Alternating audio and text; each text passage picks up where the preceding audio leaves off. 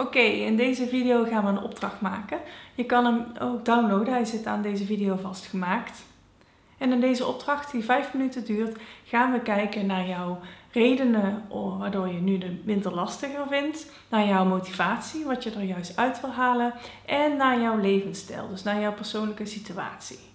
De eerste vraag is: wat zijn jouw doelen voor de komende winter?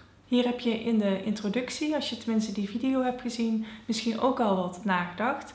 Maar dit is je kans om je doelen wat eh, aan te scherpen of nog eens te herhalen. Een doel zou bijvoorbeeld kunnen zijn: ik wil mijn eh, plezier en mijn stemming deze winter uh, zo hoog mogelijk houden. Dus ik besteed aandacht aan leuke dingen doen en dingen doen die ik fijn vind. De tweede vraag is: wat zijn de redenen die nu maken dat jij niet van de winter houdt of waardoor de winter voor jou moeilijk is? Noem er twee en maak het ook heel erg persoonlijk.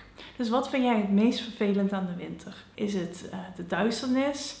Is het uh, het binnenzitten, dat je je verveelt? Is het minder uh, mensen kunnen opzoeken? Of heb je misschien bepaalde associaties en herinneringen aan de winter? Bijvoorbeeld is er in de voorgaande winters in jouw leven iets gebeurd, wat nu dan steeds op hetzelfde tijd in het jaar weer naar boven komt. De derde vraag gaat over jouw overtuigingen en mindset. En daarmee bedoel ik dat als je iets gelooft, dat het dan meestal ook waar wordt. Bijvoorbeeld als jij gelooft, ik kan me alleen maar in de zomer goed voelen. Of ja, de winter heeft nou, alleen maar, heeft nou eenmaal dat effect op mij dus daar kan ik niks aan doen, dan ga je dat ook geloven. Welke overtuigingen heb jij daarover? Heb jij voor je gevoel invloed op hoe jij de winter ervaart? En dan gaan we kijken naar jouw persoonlijke situatie, dus naar jouw aandachtspunten en valkuilen, zodat je die kan herkennen. En dat heeft eigenlijk twee redenen. Ten eerste weet je daardoor beter welke modules je misschien als eerste wil kijken, welke voor jou het belangrijkste zijn. En ten tweede, als je je valkuilen weet, dan kan je daar ook van tevoren rekening mee houden. Als je probeert je gedrag te veranderen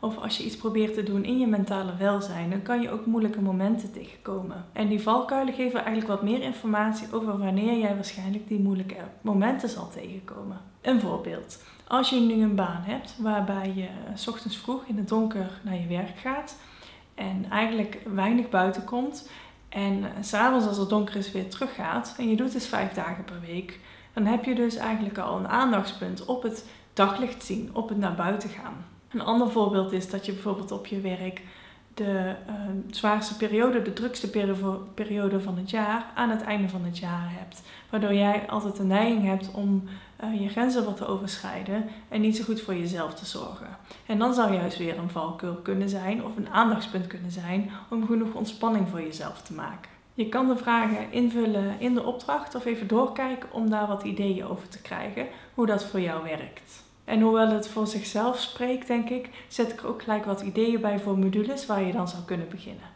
Maar je mag natuurlijk ook gewoon van A tot Z alles doorkijken. Doe het lekker op jouw manier. Dat was module 1. Ik zie je in de volgende video.